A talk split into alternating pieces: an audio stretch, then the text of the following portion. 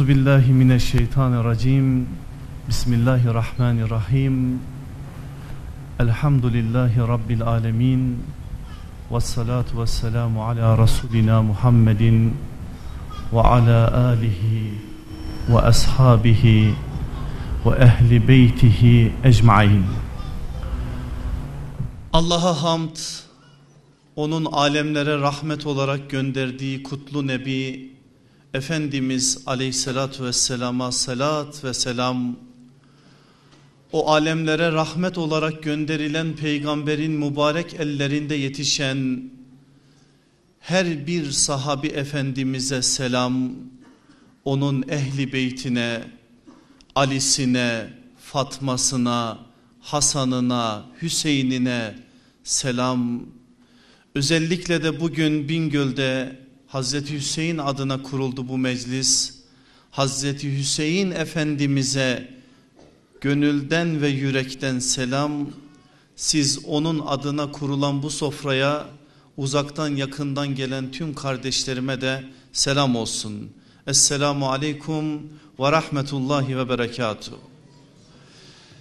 82 ilde sahabi efendilerimizi belirlerken Tabi kabirleri olanlar öncelikli olarak zaten belirlenmişti.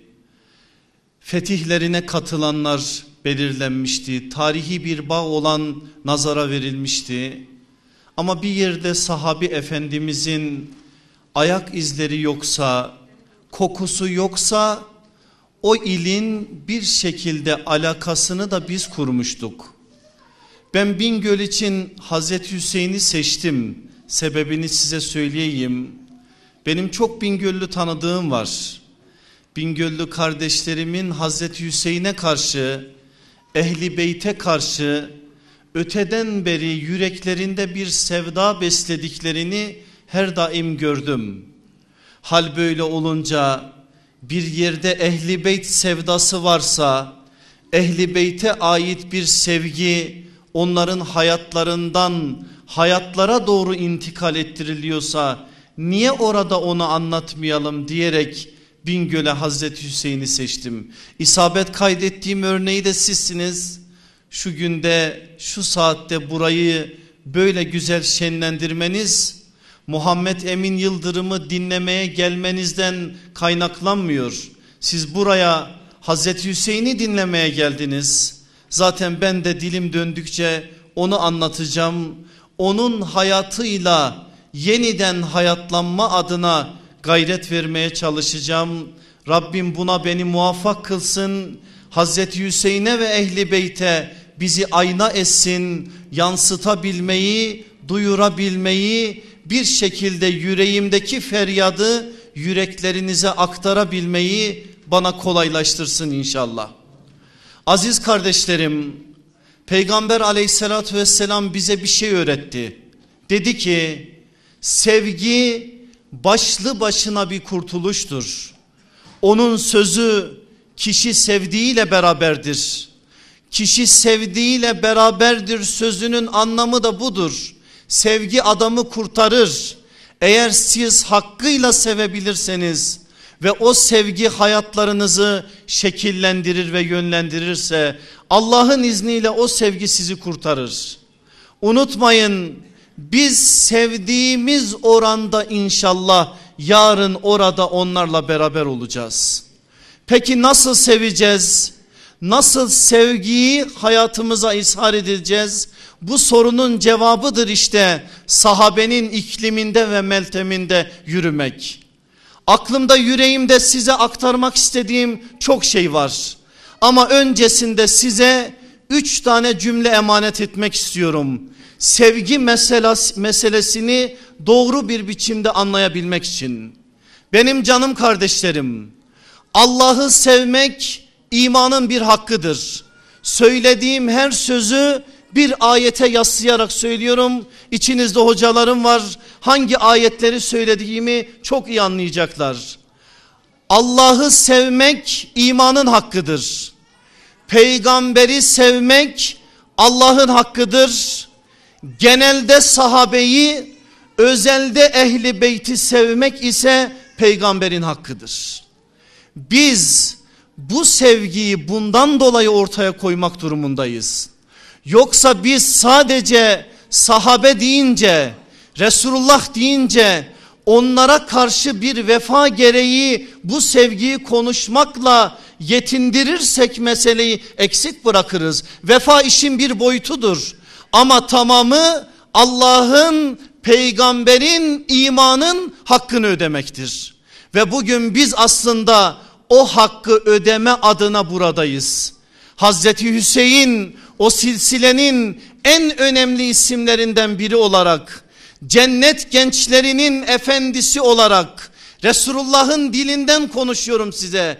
Dünyada Resulullah'ın nasipleri olarak nübüvvet evinin meyveleri olarak Ali'nin oğlu Fatıma'nın oğlu ama nesli Muhammedi olarak çünkü peygamber aleyhissalatü vesselam her peygamberin nesli kendindendir ama benim neslim Fatma'dandır deyip nazarlarımıza o evi vermişse nesli Muhammedi anlamak olarak algılamak ve gereğini yerine getirmek zorundayız.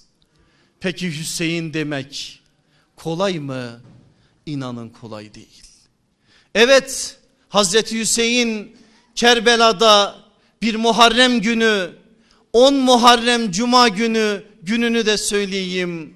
Tarihler Hicri 61'i gösterdiği zaman zalim kılıçlar altında doğranırken sadece 54 yaşındaydı. Ama 54 bin sene geçse insanlık Hüseyin Hüseyin diyecek. Öyle bir kamet ortaya koydu ki kim hak adına konuşuyorsa, hakkın yanındaysa, hakkın ikamesi için çalışıyorsa, hak adına ve hak namına adım atıyorsa Hüseyin'den ilham almak zorundadır. Adları değişmiş, adları başka şeyler olmuş. Ama karşıda zalim varsa o zalim Hüseyin'in karşısındaki zalim Yezid'dir. Yezid'in karşısında Hüseyince tavrı biz ondan öğreneceğiz. O bize çok şey söyleyecek. Onun hayatını bir saatte bir buçuk saatte ben size nasıl anlatayım? Sadece çerçeveyi daraltsam dedim ki kendi kendime Bingöllü kardeşlerime sadece Kerbela'yı anlatayım. İçime sindirtemedim onu. Çünkü Hüseyin demek sadece Kerbela demek değil ki. Saatlerce Kerbela'yı konuşmamız lazım ama Hüseyin demek sadece Kerbela demek değil. Kerbela'nın bir gününü anlatayım dedim.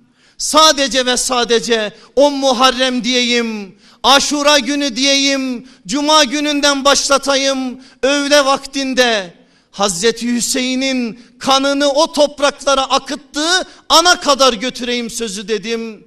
Yine içime bunu da ikna ettiremedim. Baştan alayım dedim biraz baştan. Yezid'in iktidara geldiği anda asabiyet adına saltanat adına İslam dünyasını kasıp kavurduğu ve nübüvvet yatağını yavaş yavaş saltanat yatağına çevirdiği o zaman dilimini anlatayım. Hüseyin'in Kerbela yolculuğunu anlatayım. İsa ruhunu anlatayım. Yaşamak için değil, sadece yaşama adına değil, yaşatma adına attığı o adımları anlatayım dedim. Sadece onu deseydim de eksik kalacaktı. Ya ne anlatayım dedim. Dedim ki bari teşehhüt miktarı olsun. Ben Bingöllü kardeşlerime Hazreti Hüseyin'in beş yönünü, beş hatırasını anlatayım. Efendimiz aleyhissalatü vesselam ile Hazreti Hüseyin diyeyim. Dede torun onları biraz anlatayım. Annesi Fatıma ile Hazreti Hüseyin diyeyim. Ana oğul biraz onlardan bahsedeyim. Hazreti Ali babası Hazreti Ali ile Hazreti Hüseyin diyeyim. Baba oğul biraz Hüseyin'i anlatayım size. Abisi Hasan'la Hazreti Hüseyin diyeyim. Abi kardeş biraz Hüseyin'i anlatayım size. Kendi nefsiyle Hazreti Hüseyin diyeyim. Biraz da size Hazreti Hüseyin'in kendi nefsiyle olan mücadelesini anlatayım. Yeter mi zaman bilmiyorum ne kadar sabrederseniz ne kadar benim gücüm yeterse. Gelin birincisinden sözün perdesini kaldıralım. Efendimiz onun dedesi. Dedesi Efendimiz ile Hazreti Hüseyin. Nereden başlatayım sözü biliyor musunuz? Hicretin ikinci yılı aylardan Ramazan'ın ilk günü Lübabetül Kübra Hazreti Abbas'ın hanımı böyle ter üstünden atarcasına bir korkuyla Resulullah'ın huzuruna kendini atıyor. Ya Resulallah öyle bir rüya gördüm ki o rüya beni öldürdü. Öyle bir rüya gördüm ki şu anda sana anlatamayacağım. Efendimiz diyor ki yavaş ol. Lübabe'yi çok sever Efendimiz. Onun ya, evinden bir hanımdır, yengedir ama çok farklı bir hanımdır. İlk Müslüman hanımlardan biridir. Biraz teskin eder. Yavaş ol anlat bakalım. Ya Resulallah bir rüya gördüm. Ne gördüm? Şöyle bir rüya gördüm. Rüyamda senin bedeninden bir parça kopuyor ve gelip benim evime düşüyor. Bunu görünce terler içerisinde kalktım. Ya Resulallah nedir bu diyor. Efendimiz tebessüm ediyor. Tebessüm edince Lübabetül Kübra anamız meraklanıyor ya Resulallah ben sana ne anlatıyorum sen ise gülüyorsun. Ey Lübabe diyor hayır görmüşsün sen. Hayır nedir biliyor musun gördüğün şey? Yakında Fatma'nın bir çocuğu olacak. Sen de o çocuğa süt annesi olacaksın. Allah sana onun müjdesini vermiş. Ağlayarak geldiği peygamberin evinden gülerek çıkıyor. Ve gerçekten o rüyanın üzerinden çok geçmeden 15 Ramazan hicretin ikinci yılı Efendimiz 56 yaşında dikkat buyurun Fatma'nın evinden bir müjde geliyor. Sahabe bize anlatıyor. Fatma'nın evinden doğum müjdesi gelince 56 yaşında Resulullah ayağa kalktı koşa koşa o eve gidiyor. Ev Medine'nin işlerinde o koşuyor biz arkasından biz Resulullah'a yetişemiyoruz. Öyle bir koşuyor ki bizi arkada bırakırcasına evin içerisine giriyor. Söz şu torunu ama söz şu bana oğlumu getirin. O oğullardan bir oğul Oğul sarı bir kundağa sarılmış geliyor. Esma binti Ümeys kundağı Allah Resulüne uzatınca Esma diyor başka bir renk bulamadın mı? Benim oğlumu sarı kundağa sardın. Efendimiz renklerin dinine değil renklerin diline inanır. O renklerle de mesaj verildiğine inanan biri olarak bunu söyler. Alır eline bebeği daha yeni doğmuş Ali yanı başında Ali der ne koyacaksın ismini? Ya Resulallah müsaade edersen adını harp koyacağım. Ali'dir, kılıç adamıdır. Zülfükar'ın hakkını ödeyen bir yiğittir. Harp onun menzili onun meydanıdır. O çocuğuna da o adı koymak istemiştir. Efendimiz diyecek ki ey Ali hiç böyle güzel bir çocuğa harp ismi savaş ismi verilir mi? Benim çocuğumun adı Hasan olsun diyecek. Ve ilk ismi orada verecek. Hasan Arapça bir kelime biliyorsunuz ama bölgede kullanılan bir isim değil. Resulullah ilk kez o ismi ilk torununa Hasan'a veriyor. Aradan 10 ay geçmiş dikkat buyurun. Hicretin 3. yılı Aylardan Şaban, Şaban ayının ilk günleri Resulullah yine müjdeyi alıyor, yine eve koşuyor, yine kundakta yavru veriliyor Efendimiz'e. Efendimiz bir daha soruyor Hazreti Ali'ye, Ali ne koyacaksın ismini? Ya Resulallah diğerine müsaade etmedin, eğer buna müsaade edersen bunun adını da harp koyacağım. Hayır diyor Efendimiz, benim evladımın adı Hüseyin'dir diyor. Hüseyin adını da Efendimiz koyuyor. Aradan iki yıl geçiyor. Muhassin isimli, Muhsin deriz ya Muhassin isimli biri daha oluyor. Pek biz bilmeyiz bebekken vefat ettiği için. O da aynen Resulullah'a takdim edilince Ali'ye Efendimiz bir daha sorunca Efendimiz bir daha harp Ali bir daha harp deyince Efendimiz hayır diyor ona da Muhassin ismini koyuyor. Sonra iki kız daha gelecek o eve. Zeynep ve Ümmü Gülsüm o evin kızları olacak. İbni Hibban'ın sahihinde hakimin müstedrekinde bir rivayet var. Efendimiz o isimleri koymasının gerekçesini de bize söylüyor. Ben diyor çocuklarıma Harun'un çocuklarına verdiği isim gibi isim verdim. Hazreti Harun çocuklarına Şübeyr, Şebr, Mübeşşir isimlerini vermiş. Ben de evlatlarıma Hasan, Hüseyin ve Muhassin isimlerini verdim diyor. Yıllar sonra Ali Hazreti Fatma'dan sonra çok evlilik yapmıştır. 11 tane erkek 15 tane kızı olmuştur. Ehli beytin mensuplarının dışında dikkat buyurun. O çocukların içerisinde Ebu Bekir var. Ömer var, Osman var. Daha birçok isim de var. Ne dediğim anlaşılıyor herhalde. Hazreti Ali'nin çocuklarından bahsediyorum. O isimleri Ebu Bekir, Ömer, Osman ve diğerleri ama bir tane harp yok.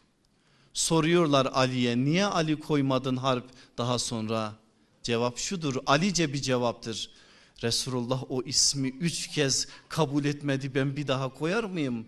Resulullah'ın sevmediği ismi ben de sevmem diyecektir. Ali budur Hasan ve Hüseyin'in doğumu böyledir. Böyle bir doğumun arkasından Resulullah'ın torunlarıyla münasebetlerini siz benden daha çok biliyorsunuz. Nasıl sevmiştir onları, nasıl koklamıştır, nasıl öpmüştür, nasıl onlara karşı yakınlığı hissettirmiştir. Bugün hadis kaynaklarımızda torunlarıyla Resulullah'ın yaşadığı hayat sadece ve sadece 7-8 yıllık bir hayat olmasına rağmen yüzlerce rivayet okumaktayız. Cabir bin Abdullah anlatıyor. Bir gün baktım geliyor Medine sokaklarında Hasan elinde Hüseyin kolunda onları taşıyarak getiriyor. Böyle baktım ona onlara ne güzel bineğiniz var dedim.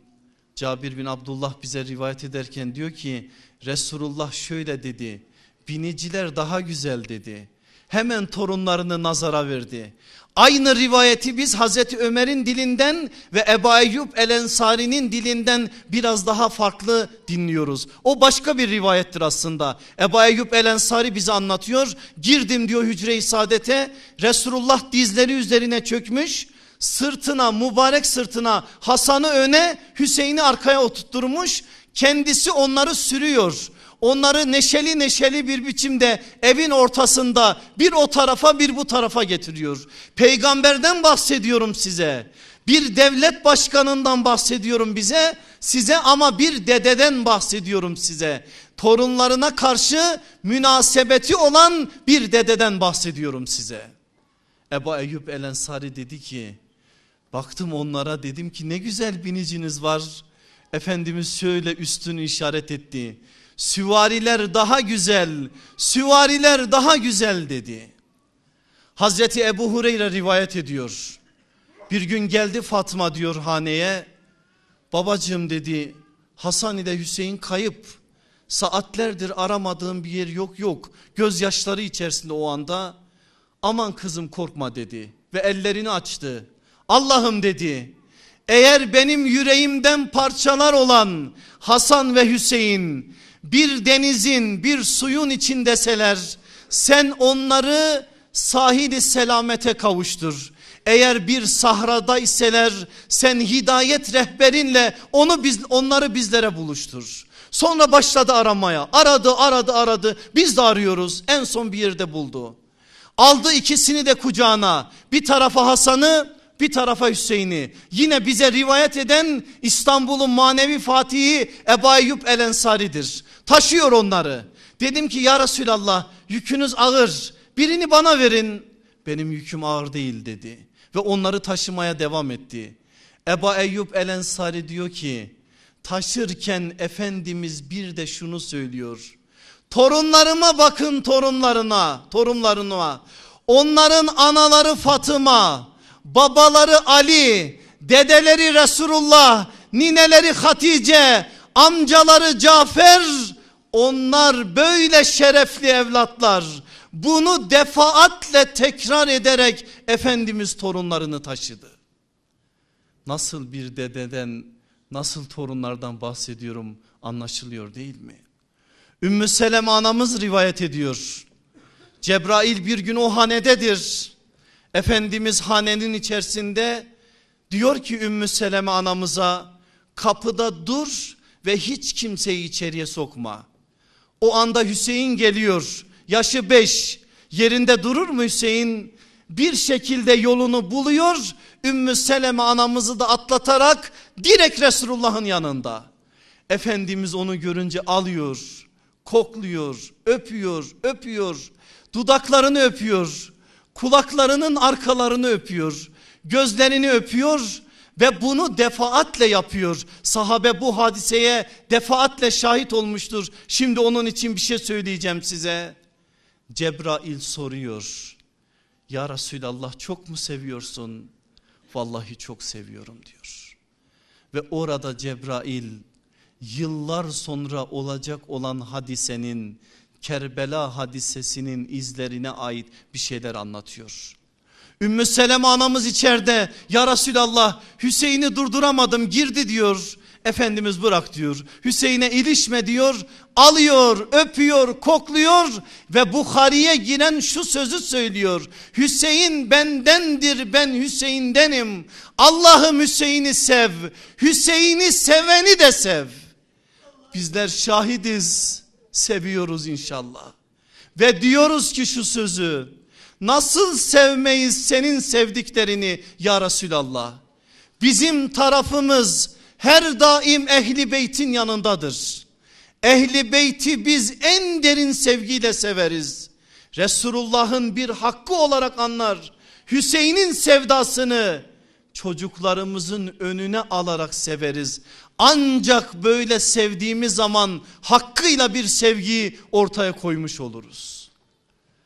Peki Peygamber aleyhissalatü vesselamın öpüp kokladığı, sevdiği o dudaklar, o gözler, o kulaklar zalimlerin eline düşünce ne olmuş onu da söyleyeyim mi size? Zeyd bin Erkam Ensar'ın yiğitlerinden bir tanesidir. Büyük bir kamettir. Müslim'de bize çok önemli rivayetler verir. Bu konuda önümüzü aydınlatan rivayetleri bize aktarır o büyük insan. O güne kadar tavrı sükunet tavrıdır. Kerbela'da Müslümanların tavrının hepsi aynı değildir. Size bunu söyleyeyim ki bugünün dünyasında da yaşıyoruz Kerbelaları. Kendinize oradan bir tavır beğenin. Hangi tavır sizin tavrınız siz bunun çerçevesinde değerlendirin. Hicri 61'de Kerbela hadisesi yaşanırken 6 tane temel tavır vardı o gün İslam dünyasında. Kötüden iyiye doğru söylüyorum bakın. Birinci tavır asabiyet tavrıydı. O tavır Yezid'in tavrıydı. O tavır Ümeyye oğullarının tavrıydı. Milliyetini, kavmini, dininin önüne geçiren tavırdı. Bizden olsun, çamurdan olsun mantığını üreten tavırdı. Bizdense eğer yanlış yapmaz ama başkası ise eğer iyi yapmaz mantığının tavrıydı. İşte o tavır Yezid'in tavrıydı ve o gün Yezid'in önünü çektiği o tavıra mensup olan Beni Ümeyye mensupları vardı. İkinci tavır ganimet tavrıydı. Onun için kim olmuş kim olmamış önemli değil. O cebine bakar cüzdanına bakar bana ne gelir bana ne akar ona bakar. Onun işi gücü musluktan ona akandır. Bana valilik var mı? Bana iktidardan pay var mı? Bana şu var mı? Bana bu var mı?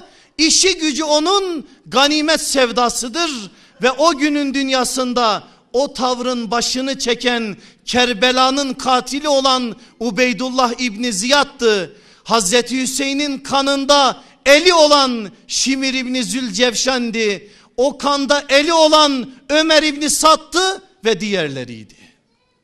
Üçüncü tavır nedir? Üçüncü tavır zillet tavrıdır. Zillet tavrı nedir? Bana dokunmayan yılan bin yıl yaşasın tavrıdır. Benim gemim yürüsün de dünya yanmış bana ne? Bana ne diyen tavırdır zillet tavrı. Ve o tavır o gün Kufe'nin tavrıydı. İhanet şehri oldu biliyorsunuz Kufe o tavrından dolayı. o tavrı takındığı için nasıl şeylere sebep oldu biliyorsunuz hadiseleri. Dördüncü tavır sükunet tavrıdır. Bakın zillet başka, sükunet başka. Ne farkı var? Zillette yürekten de bir sıkıntı yok. Ama sükunet tavrında şu var, şu var. Yürekte inanılmaz bir sıkıntı var. Yüreklerde Hüseyin'e karşı da bir sevda var ama fitne var İslam toplumunda.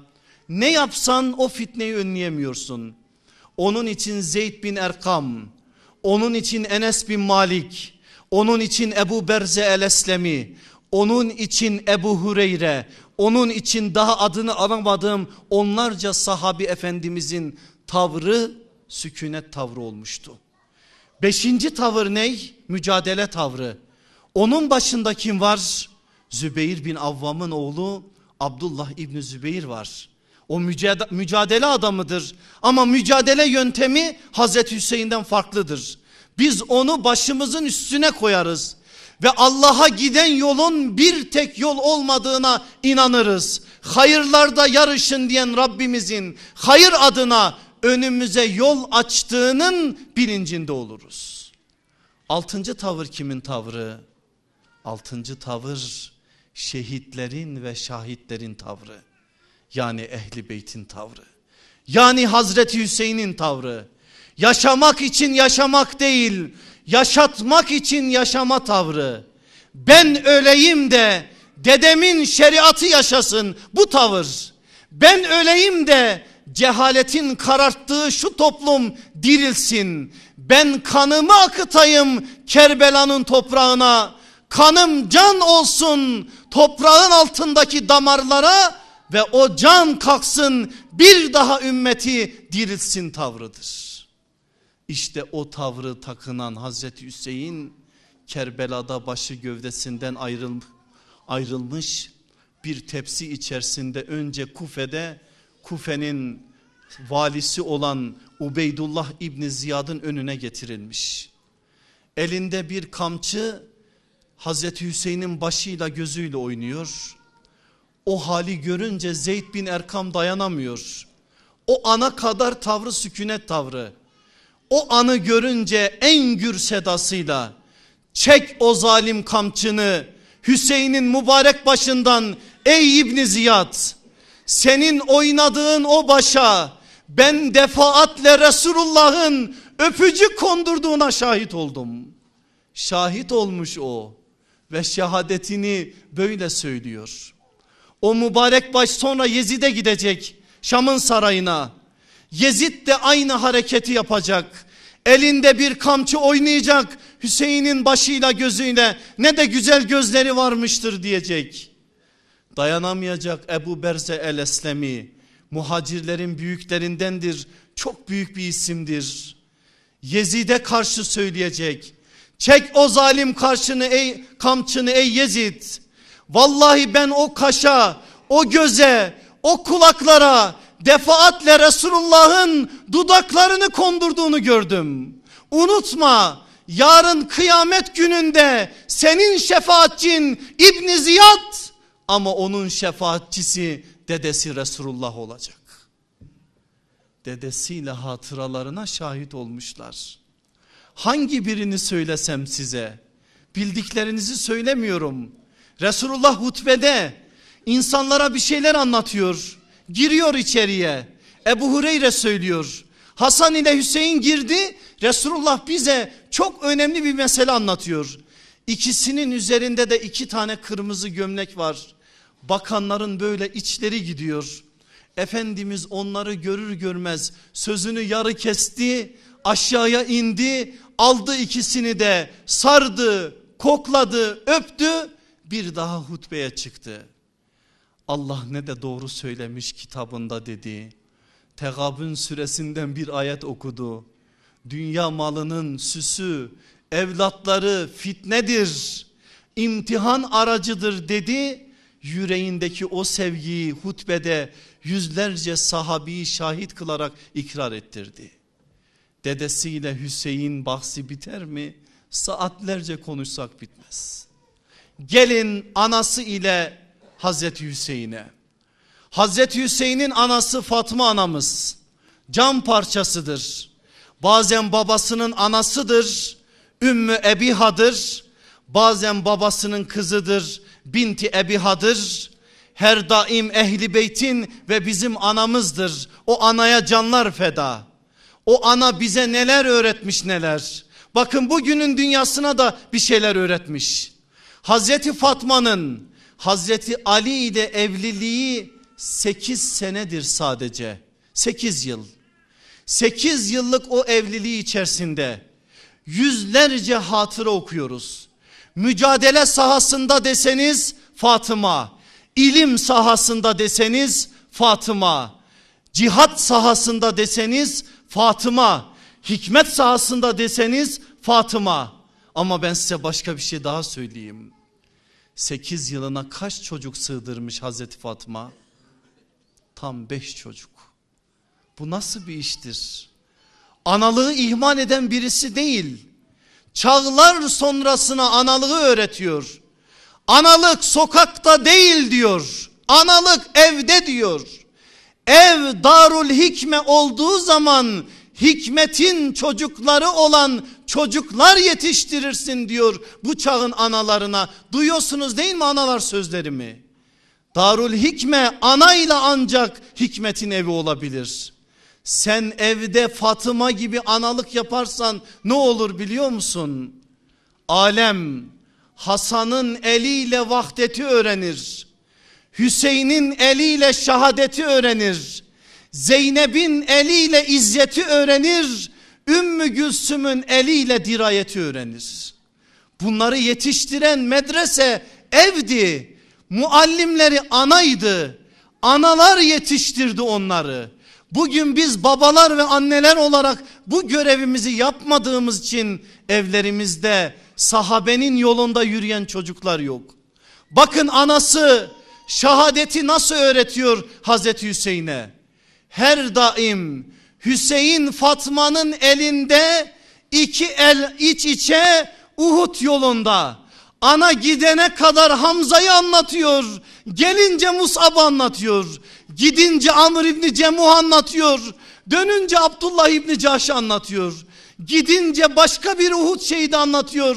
Gelince başkasını anlatıyor. Görmediniz diyor. Görmediniz. Dedeniz Resulullah'ın arkasında bir dağ vardı. Adı Hamza'ydı. Sizin babanızın amcasıydı. O dağı görseydiniz siz de onun gibi olurdunuz dedi. Ve bunu anlatarak onları Uhud şehitlerine götürüp getirdi. Ne anlattık ki biz çocuklarımızdan Hüseyin'in yolunda bir hayat istiyoruz Allah aşkına. Hazreti Fatma bunu anlatıyor. Bunu söylüyor. Her daim onun söylediği söz budur. Ve Hüseyin 5 yaşında bir çocuk, 7 yaşında bir çocuk, 8 yaşında bir çocuk ellerini Allah'a açtığı zaman Allah'ım şehadet diyor. Allah'ım şehadet diyor. 7-8 yaşındaki bir çocuk şehadet isterse bu yetiştirdiği mektebe kurban olunmaz mı? Fatıma ile Hüseyin budur. Hüseyin anasından bunu almış bunu yansıtmıştır. Çok seviyor öyle ki en ufak bir şeye dayanamıyor. Zehebi Siyer-i Nübela isimli eserinde bize aktarıyor. Baktım diyor bir gün evde güreş tutuyorlar. Rabi bize aktarıyor. Hasan Hüseyin. Resulullah Hasan'ın tarafında. Hadi oğlum diyor. Hadi onu yık. Hadi onu yen diyor. Fatıma anamız dayanamıyor. Ya Resulallah diyor. Hüseyin daha küçük. Hüseyin'i tutmanız gerekmez mi? Hüseyin'e olan sevdası bu. Kızım diyor. Hüseyin'in tarafında da Cebrail var. Cebrail de onu tutuyor. O onun tarafında ben de Hasan'ın tarafındayım diyor. Bir ana olarak Hüseyin'e olan sevdası bu. Hazreti Ali bize anlatıyor. Bir gün Resulullah o evin misafiridir. Gece o evde kalacak. Dikkat buyurun. Size ne söylüyorum? Resulullah'tan bahsediyorum. O günler Resulullah'ın nikahının altında dokuz tane hanım var. Dokuz tane annemiz var. Ama o günde Resulullah Hazreti Fatma'nın evinin misafiri. Hasan mıydı Hüseyin miydi hatırlamıyorum diyor. Çocuklardan biri su istedi. Biz kalkmaya yeltendik baktık Resulullah bizden önce kalktı. Siz durun dedi ben evlatlarıma su getiririm. Koştu gitti su mu bulamadı ne yaptı bilemiyoruz. Süt sağmış süt getirdi. Hüseyin de o ara ağlıyor ve bir şeyler istiyor. Ama Resulullah tuttu sütü Hasan'a verdi. Fatma anamız diyor ki ya Resulallah herhalde sen çok seviyorsun Hüseyin'i Hasan'ı onun için Hasan'a verdin. Hayır diyor yine bir şey öğretecek o muallimi ekber sallallahu aleyhi ve sellem. İlk isteyen Hasan'dı su ilk isteyenin hakkıdır diyor. Önce Hasan'a sonra Hüseyin'e veriyor. Efendimiz aleyhissalatü vesselamın oradaki o tavrı ayrı bir bahis. Ama Hazreti Fatma'nın özellikle o anda Hüseyin'i nazara vermesi Hüseyin'e olan bağının ayrı bir özelliği. Anası Fatıma ve Hazreti Hüseyin desek daha neler söyleriz ama bu kadarla yetinelim. Gelin üçüncü bahse babası Ali ile Hazreti Hüseyin yine çok şey söyleriz değil mi? Ama en başta söyleyece söyleyeceğimiz şey nedir biliyor musunuz? Kahtı rical yaşanıyor Hazreti Ali devrinde. Adamsızlık Hazreti Ali'nin de tabir caiz ise eğer burnunu sızlatıyor. Şimdi de adamsızlık bizi bizim burnumuzu sızlatıyor değil mi? Allah bizleri adam etsin. Bizleri de adamlar sınıfına dahil etsin inşallah. Evlatlarımızı gerçek manada imanların adamı kılsın inşallah. O gün Ali'nin dünyasında da o vardır. Bakın Hazreti Ali o gün ciddi sıkıntılar çekiyor. Bir kardeş kavgası Cemel, Cemel'de sıkıntıları var Hazreti Ali'nin. Saltanat ile imamet arasındaki bir savaş, sıffın, sıffında sıkıntıları var Hazreti Ali'nin. İlim ile cehalet arasındaki bir savaş e, Nehveran Nehveran'da sıkıntıları var Ali'nin. Ve birileri Ali'nin yanına geliyor. Diyor ki Ali diyor niye senin dönemin böyle karışık? Bak biz Ebu Bekir'in, Ömer'in, Osman'ın dönemlerini yaşadık. O dönemlerde hiç sıkıntı yoktu. Ama senin dönemlerinde her gün bir hadise var. Nedir diyor bunun kaynağı? Ne diyor biliyor musunuz Hazreti Ali? Onların döneminde onlar vardı biz de vardık. Bizim dönemimizde onlar yok. Böyle adamlar var. Yani adam olmayan adamlar var. O adam olmayan adamlar devrinde Hazreti Ali'nin arkasında iki tane dağ var. Sağda Hasan, solda Hüseyin. Cemel'de öyle, Sıffın'da öyle, Nehveran'da öyle, Ali'nin adımlarının olduğu her yerde öyle. Ali'nin o dünyasını anlayacağınız bir şey söyleyeyim size. Nehveran'a yürürken ne diyor biliyor musunuz? Gözyaşları akarken gözünden. Düşman hileli, yol uzun, dostlar vefasız. Yürünür mü bu yol? Yürünmüyor o yol, yürünemeyecek. Onun için artık Ali dayanamayacak Allah'tan bir şekilde onu bu belalardan kurtarması adına dua dua yakaracak. Ama Ali'nin arkasındaki o iki evlat hiçbir zaman babalarının şereflerine leke sürmediler. Babalarının var olan o şerefini daha da yücelere, daha da ötelere taşıdılar ve onlar Ali'nin başlattığı o ilim mücadelesini, o hikmet mücadelesini, o irfan mücadelesini çok zor dönemlerde bile hakkıyla temsil ettiler. Gelin abisiyle Hazreti Hasan'a onun içinde çok şey söylenir. Hazreti Hasan Efendimiz Halim Selim'dir. Hazreti Hüseyin Efendimiz biraz cevval birisidir. Bir gün oynuyorlar evde o günkü evin şartları Zaten evde ne varsa eşya İbn Sad bize Fatma anamızın çeyizinin listesini verir. Merak edenler o listeyi okusunlar. Bir şey kırılır evden. Fatma anamız içeriye girer. Kim kırdı bunu der. Kıran Hüseyin'dir. Ama Hasan tam abidir. Ben kırdım anacığım der kendini öne verir. Hasan her daim böyledir.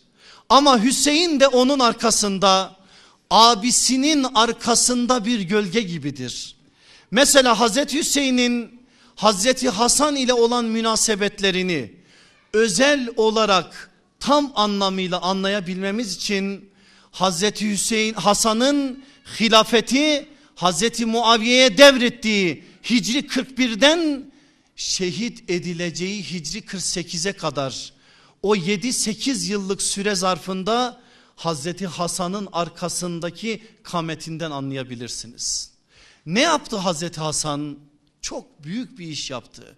Bugün biz biraz İslam dünyası olarak Hazreti Hasan'a haksızlık ediyoruz biliyor musunuz? Hüseyin deyince çok şey biliyoruz, konuşuyoruz ama Hasan deyince bir şey bilmiyoruz.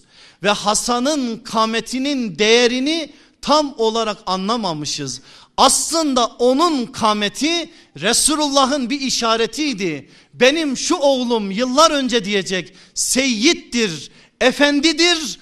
Allah onun eliyle iki büyük cemaati bir başka rivayette iki mümin grubu birbiriyle barıştıracak. Yani birbirleriyle selamet adına bir zemin hazırlatacak. Ne yaptı Hazreti Hasan? Şam yönetimiyle masaya oturdu ve hilafeti devretti. Ne adına? Vahdet adına. Vahdet adına kendini kurban etti. Vahdet adına yüzde yüz hakkı olan bir şeyden feragat etti. Bilmiyorum anlıyor musunuz? Derdimiz var bu konuda. Bakın ben size ne söylüyorum. Aslında bugünü anlatıyorum size. Bugün karşılaştığımız sorunları anlatıyorum bize. 1 milyar 700 milyon değil mi bugün İslam ailesi? Evet. Parça parça değil miyiz? Evet. Halimizi siz benden daha iyi biliyorsunuz. Bir tesbihin taneleri gibiyiz.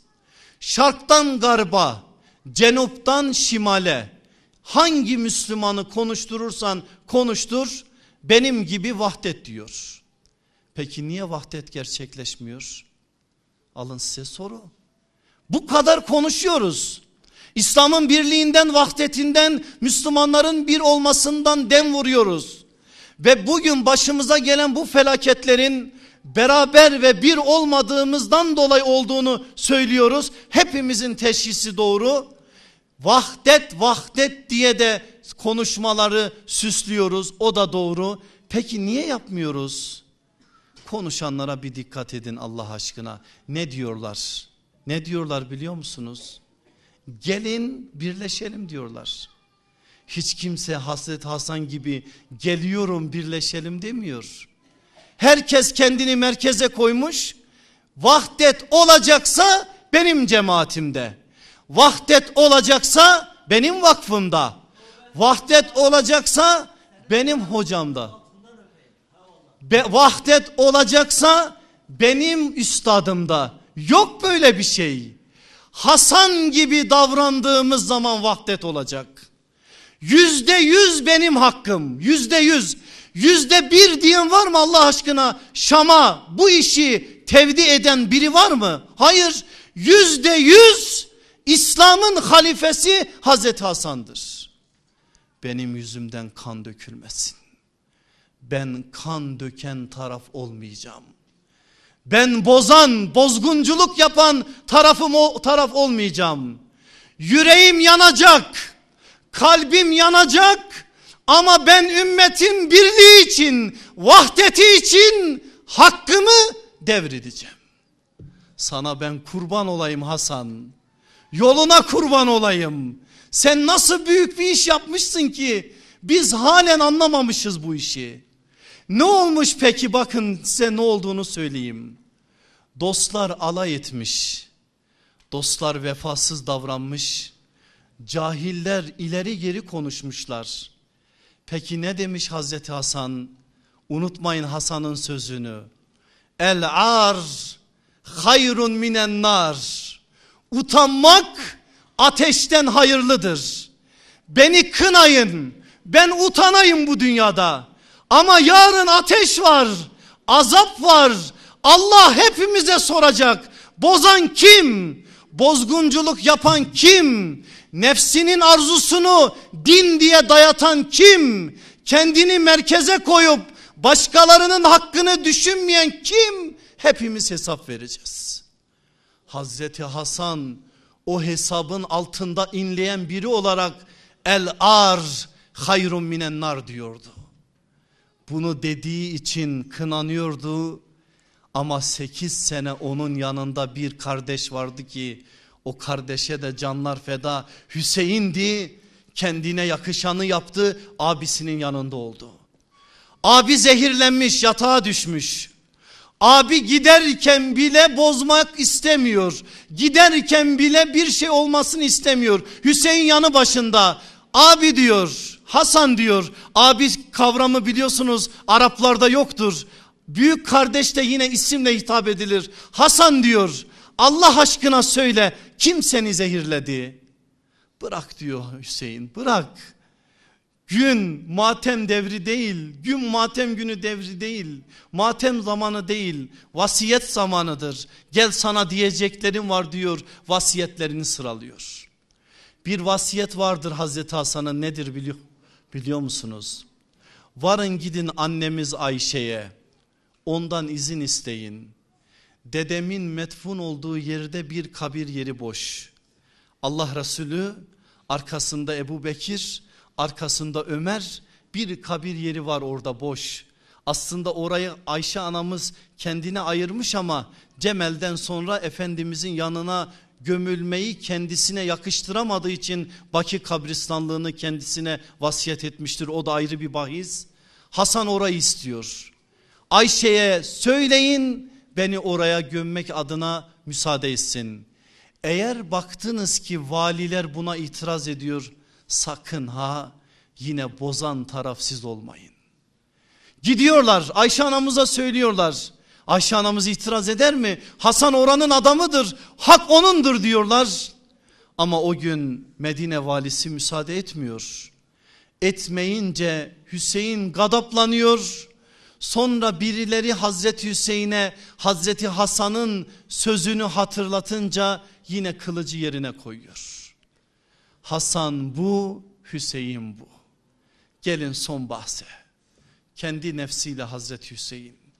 Çok şey söylerim ama söylediğim bir şeyi tekrar etmek isterim.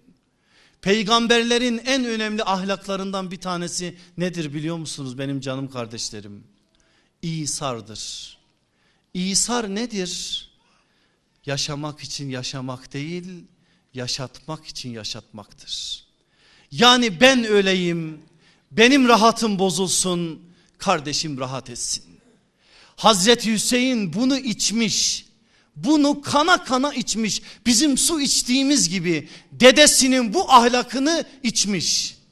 Ve Hicri 61'de artık yer yerinden oynadığı o zeminde Yezid İslam dünyasını kasıp kavuracağı bir felakete sürükleyeceği devirde Medine valisi Velid bin Utbe'ye bir mektup gönderiyor ve diyor o gün hayatta olan üç isimden bana biat alacaksın. Aslında Hazreti Muaviye vefatında bu dört isme bulaşma demiş. O isimlerden biri Hazreti Ebu Bekir'in oğlu Abdurrahman o vefat etmiş. Üç isim var onlara bulaşma demiş Yezid tutmamış. Kim o üç isim? Zübeyir'in oğlu Abdullah, Ömer'in oğlu Abdullah, Ali'nin oğlu Hüseyin. Bunlara bulaşma demesine rağmen Yezid hilafete geçer geçmez mektup yazıyor ve diyor ki onlardan onlardan bana biat alacaksın. Biat eder mi bu üç isim? Edebilirler mi? Mümkün müdür? Yezid gibi birine biat etmenin ne demek olduğunu biliyor. Hazreti Ömer'in oğlu Abdullah başka bir şey diyecek. Çıkıp gidecek İbn Zübeyir, Abdullah İbn Zübeyir Mekke'ye. Hüseyin de Mekke'ye çıkmak için yola çıkacak. Gidecek Mekke'ye o anda Kufe'den mektup üzerine mektup gelecek. Gel diyecekler. Kufe seni bekliyor diyecekler. Ama Hüseyin'in yanındaki dostları sahabenin bazı büyükleri gitme diyecekler. Kufe ihanet şehridir. Baban Ali'ye ihanet ettiler. Abin Hasan'a ihanet ettiler. Bunlar sana da ihanet edecekler. Ama Hüseyin'in cevabı şu olacak. Ne diyecek biliyor musunuz? Gitmem lazım diyecek. Ne için? Hazreti Hüseyin biliyor aslında başına gelecekleri. Ama yaşatmak için ölmesi lazım. Ben öleyim ümmet dirilsin derdinde. Ben varsam iş olsun. Ben yoksam ne yapayım ben onu? Ben eğer derneğin başındaysam, vakfın başındaysam, cemaatin başındaysam o müessese yaşasın. Ama ben değil de başka biri olursa batsın. Bugünün dünyasının dediklerini demiyor o. Ben öleyim ama ümmet yaşasın diyor. Dedemin mirası var ortada. Bakın gönderdiği mektupta ne yazmış? Ey Kufeliler diyor. Öyle bir zamanda yaşıyoruz ki Allah'ın kitabından yüz çevrilmiş. Dedem Resulullah'ın sünneti ayaklar altına alınmış. Bidatlar ise baş üstüne alınmış. İşte benim mücadelem bu. Hazreti Hüseyin'in mücadelesi bir iktidar mücadelesi değil haşa. Bir imamet mücadelesidir. Bir nübüvvet yatağına yeniden kavuşma ve buluşma mücadelesidir. Başka hiçbir izahı yok bu izahın. Ve yürüyor. Gitme diyorlar. Gitmem lazım diyor. Giderken kimleri yanında götürüyor Hazreti Hüseyin? Kundaktaki çocuklarına varıncaya kadar bütün ehlini. Neden peki? Çocukların ne işi var o meydanda? Savaşa kadınların o öyle zorlu bir savaşa ve uzak Medine nere? Irak toprağı Kerbela orası nere? O kadar uzun bir yola çocuğun kadının ne işi var?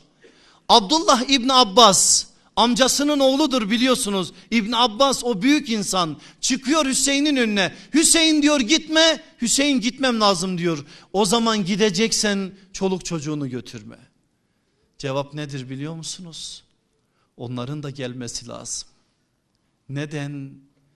Bir taife şehit olacak, bir taife şahit olacak. Eğer Zeynep olmasaydı Kerbela'nın meydanında biz Kerbela diye bir şey okumayacaktık. Kerbela'yı bize anlatan Zeynep'tir Zeynep. Yani şahitler kervanının muallimesidir, müderrisesidir. O oradan görecek ve bize anlatacak. Biz öyle haberdar olacağız. Yürüyor küçücük bir ordu. Başta çıkarken kalabalık ama ganimet sevdası, asabiyet sevdası, zillet sevdası onlardan bazılarını yoldan çevirmiş. Yolun bir yerinde meşhur Arap şairi Ferezdak Hazreti Hüseyin'in karşısında bir şeyler söylüyor. Son söz nedir biliyor musunuz? Bu sözü siz güncelleştirin. Bu söz çok mühim bir sözdür. Gitme imam diyor gitme. Kufelilerin yürekleri seninle ama bilekleri ama kılıçları Yezid'ledir. Bu söz adamın ayağının bağını çözer. Yani Kufe sana ihanet etti ey Hüseyin gitme budur.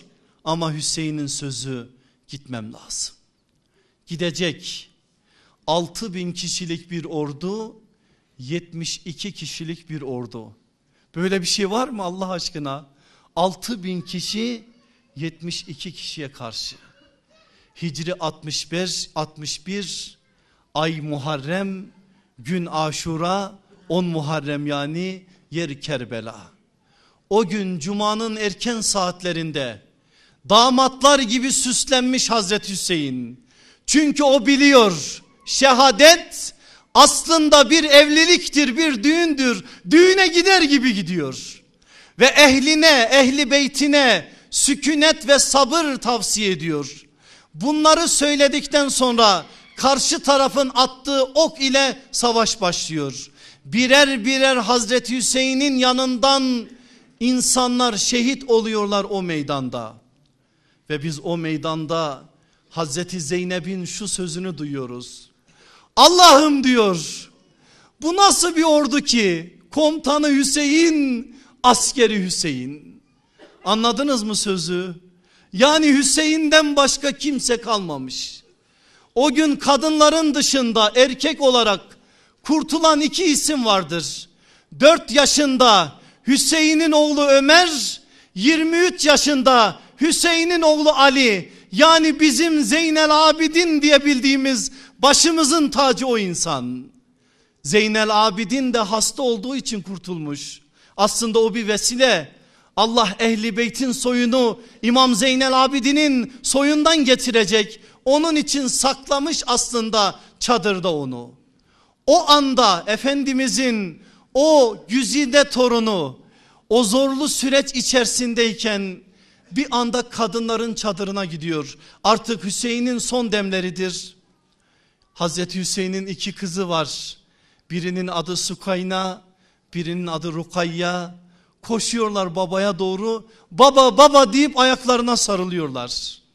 Hazreti Hüseyin de ağlıyor. Sonra gözündeki yaşları siliyor. Dönüyor Zeynep'e hitaben. Ey ehli beytin kızları diyor. Size bugün matem yakışmaz. Bu büyük bir imtihandır. İmtihana sabredersek eğer Allah'tan ecrimizi alacağız. Siz ağlayarak, dövünerek, feryat ve figan ederek ehli beytin kadınlarına düşmanları güldürmeyeceksiniz. Bu vasiyeti yaparak Hazreti Hüseyin Kerbela'nın meydanına yürüyor. Etrafını sarıyorlar. Gözü ganimetten başka bir şey görmeyen o kara yüzlü adamlar. 33 mızrak, 34 ok yarası. Hazreti Hüseyin ne diyor? Ey ihanetçiler diyor. Bizi buraya çağıran siz değil miydiniz? Mektup üstüne mektup yazıp gel diyen siz değil miydiniz? İşte geldim. Peki bana bunu mu reva gördünüz? Bana bu meydanda diyorsunuz ki Yezid'e biat et. Ben biat etseydim Medine'de biat ederdim. Ben ona biat etmeyeceğim. Siz de şahit olun. Kerbela da şahit olsun. İnsanlık da şahit olsun ki zillet bizden uzaktır. Zillet bizden uzaktır. Ve Kerbela'nın meydanında Hazreti Hüseyin nasıl diyerek şehit olacak biliyor musunuz?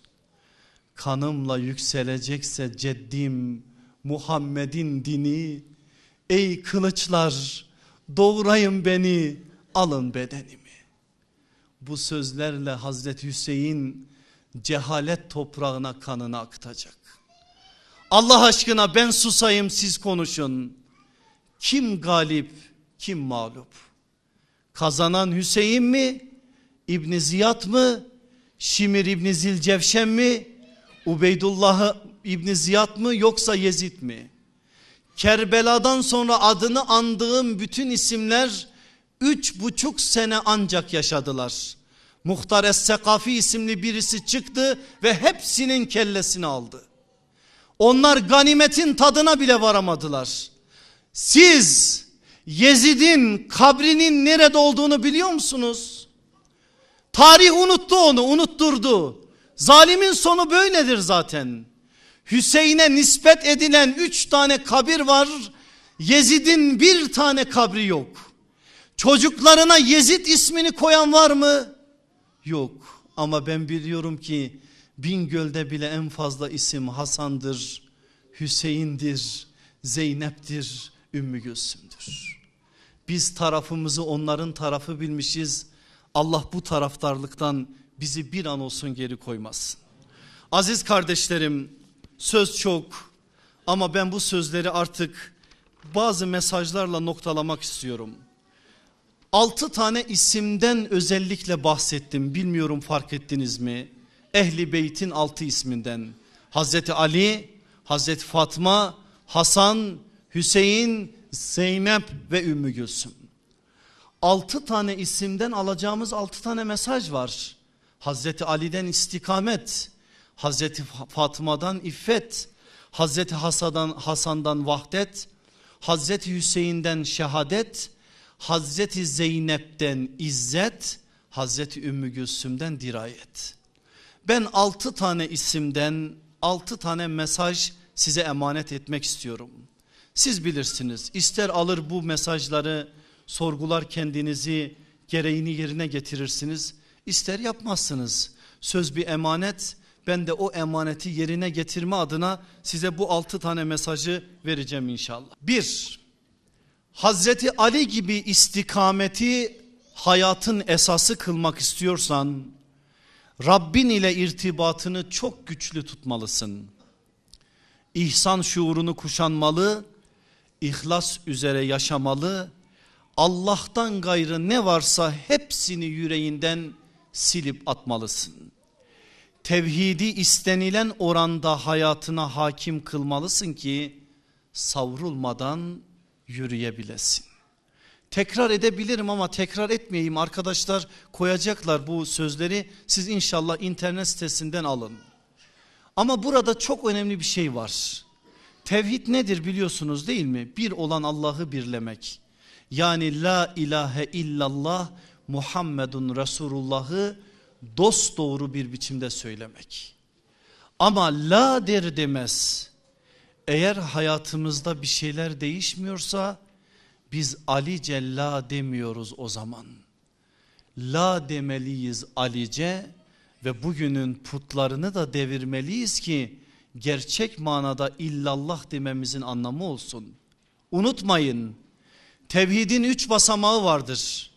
Uluhiyette tevhid, rububiyette tevhid, ubudiyette tevhid. Uluhiyette tevhid Allah'tan başka ilah yoktur. Rububiyette tevhid Allah'tan başka hakimiyet sahibi hüküm koyan yoktur. Ubudiyette tevhid Allah'tan başka ibadet edilecek hiç kimse yoktur. Bu olursa eğer tevhid olur. Bu olursa eğer sağlam bir akide olur. Hazreti Ali bunu yaptığı için hiçbir şekilde satın alınamadı. Siz Ali'nin satın alındığını gördünüz mü? İstikamet öyle bir istikamet ki acayip bir şey. Biz Tunceli'den geldik gelirken dağları seyrederek geldik. Kardeşlerle de dağları konuşarak geldik. Dağ demek ne demek biliyor musunuz? Allah dağları Nebes suresinde bize anlatıyor. Dağ yeryüzüne çakılan kazıklardır. Neden? Dünyanın dengesi dağlarla ancak sağlanır. Ama bir dağın mesela Ağrı Dağı'nın mesela Palandöken'in mesela Erciyes'in mesela Everest'in en büyük dağ o. Dağ olabilmesi için ne olmalı biliyor musunuz? Ne kadar yeryüzündeyse 10 kat, 20 kat, 30 kat yerin altında kökü olmalıdır. Kökü olan dağ olur. Kökü olmayan savrulur gider. Ali bir dağdı. Yeryüzünde görünen kısmı ne kadarsa yerin altında da görünmeyen o kadardı. Ne demek istediğimi anlıyorsunuz değil mi? Yani insanların içerisinde benim gibi kürsülerin başında bakışlar bizlerin üzerindeyken bir şeyler söylemek bir şeyler yapmak evet bir şeydir. Ama asıl bir şey sen Rabbinle baş başa kaldığın zaman nasılsan odur. İhsan budur zaten. İhlas budur zaten. Allah'ı görüyormuşçasına Allah'a kulluk etmektir. Sen onu görmüyorsan da o seni görüyor. Tabir Efendimizin biliyorsunuz. Budur bunu yaparsan eğer o şuura erer ve alice istikameti hayatının esası kılarsın. İki, Hazreti Fatma gibi iffeti hayatının esası kılmak istiyorsan betül olmalı. El değmemiş, göz değmemiş bir şekilde aline yürümelisin. Allah kitabında kötü kötüye, temiz temize yakışır diyor. Vakarı, edebi, hayayı hayatında diriltmelisin ki adını iffet abidelerinin arasına yazdırabilesin. Betül Fatıma anamızın bir lakabıydı. Tabiri de o zaten el değmemiş göz değmemiş. Şimdi biz gençler Hatice ana gibi eş istiyoruz. Kızlarımız, hanımlarımız Ali gibi aleyhissalatü vesselam efendimiz gibi tertemiz eşler istiyor. El hak haklarıdır. Ben bir dua edeyim siz de amin deyin. İçimizde Allah bekar olanlara salih eşler ve saliha eşler nasip eylesin. Eşlerimizi de salih ve salihalardan kılsın. Bunun yolu bu. Allah söylüyor kitabında.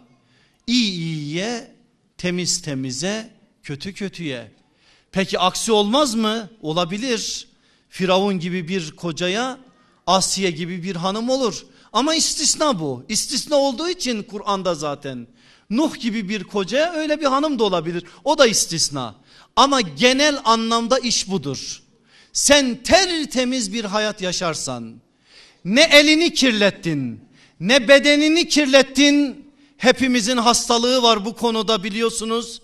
Ne de gözünü kirlettin. Ne televizyonla ne internetle ne şunla ne bunla.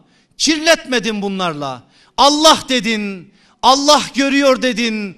Cebbar olan bir Allah var dedin. Yusuf gibi iffeti elbise kıldın kendine. Twitter'dan, Facebook'tan, bilmem şundan bundan sahtecilik yaparak vakarına, iffetine, ahlakına, Müslümanın ahlakına uymayacak şeyler yapmadın. Rabbinden korktun. Sen çağın Fatması, çağın Ali'si oldun Allah'ın izniyle. Korkma. Allah senin yastığını öyle birinin yastığıyla birleştirecek. Ama kirleten kirlilere muhatap olur.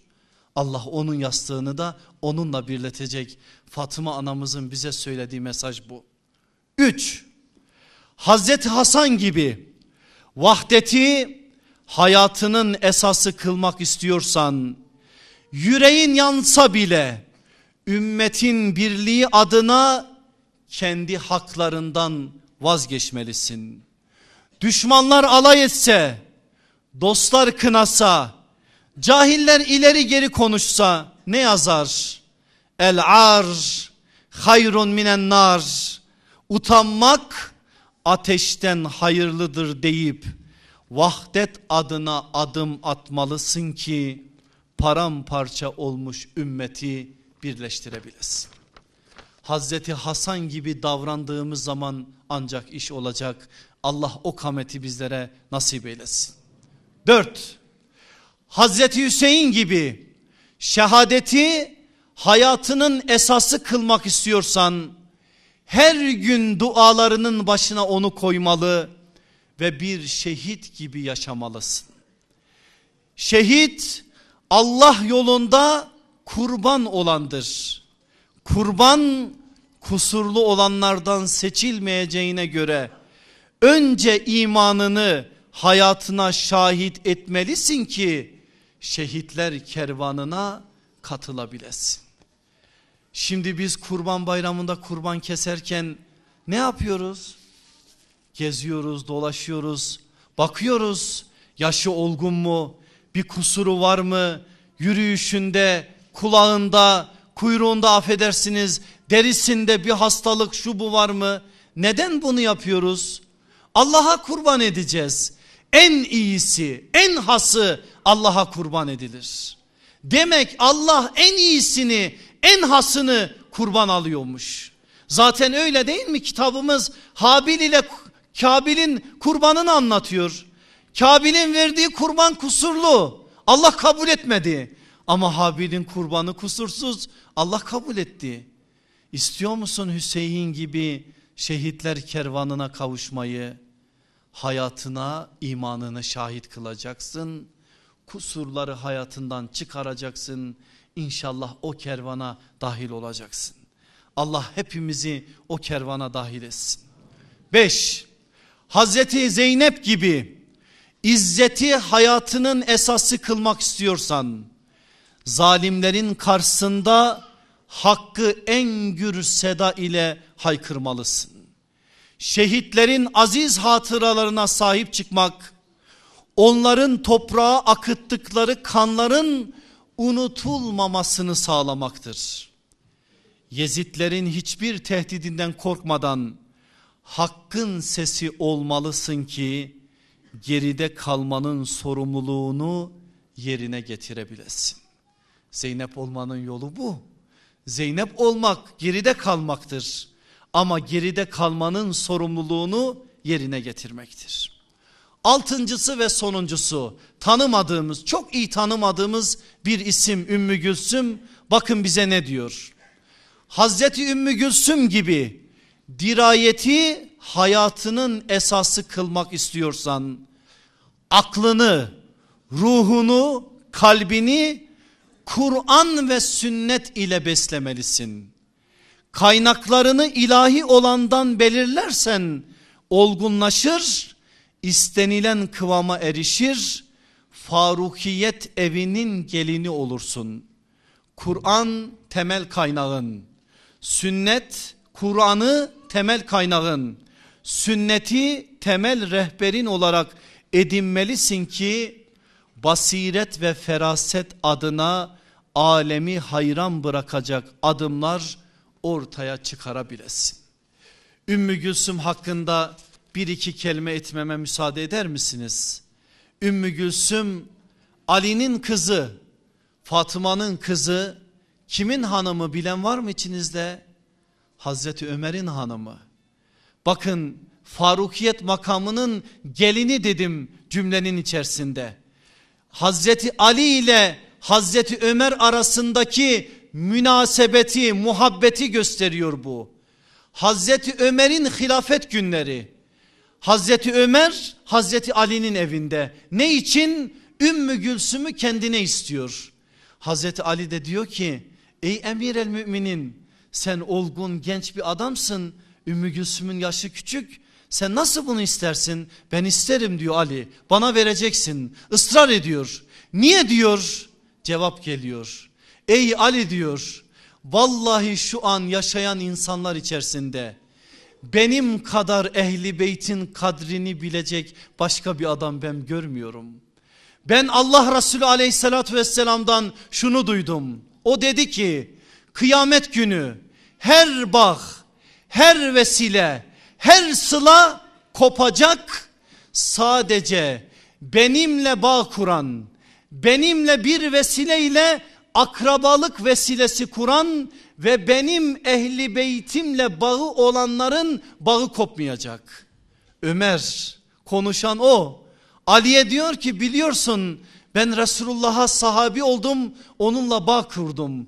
Kızımı Resulullah'a verdim Hafsa'yı onunla akraba oldum. Şimdi de istiyorum ki Resulullah'ın kızlarından bir kızla evleneyim. Onunla ehli beyt bağı kurmuş olarak da huzuruna yürüyeyim.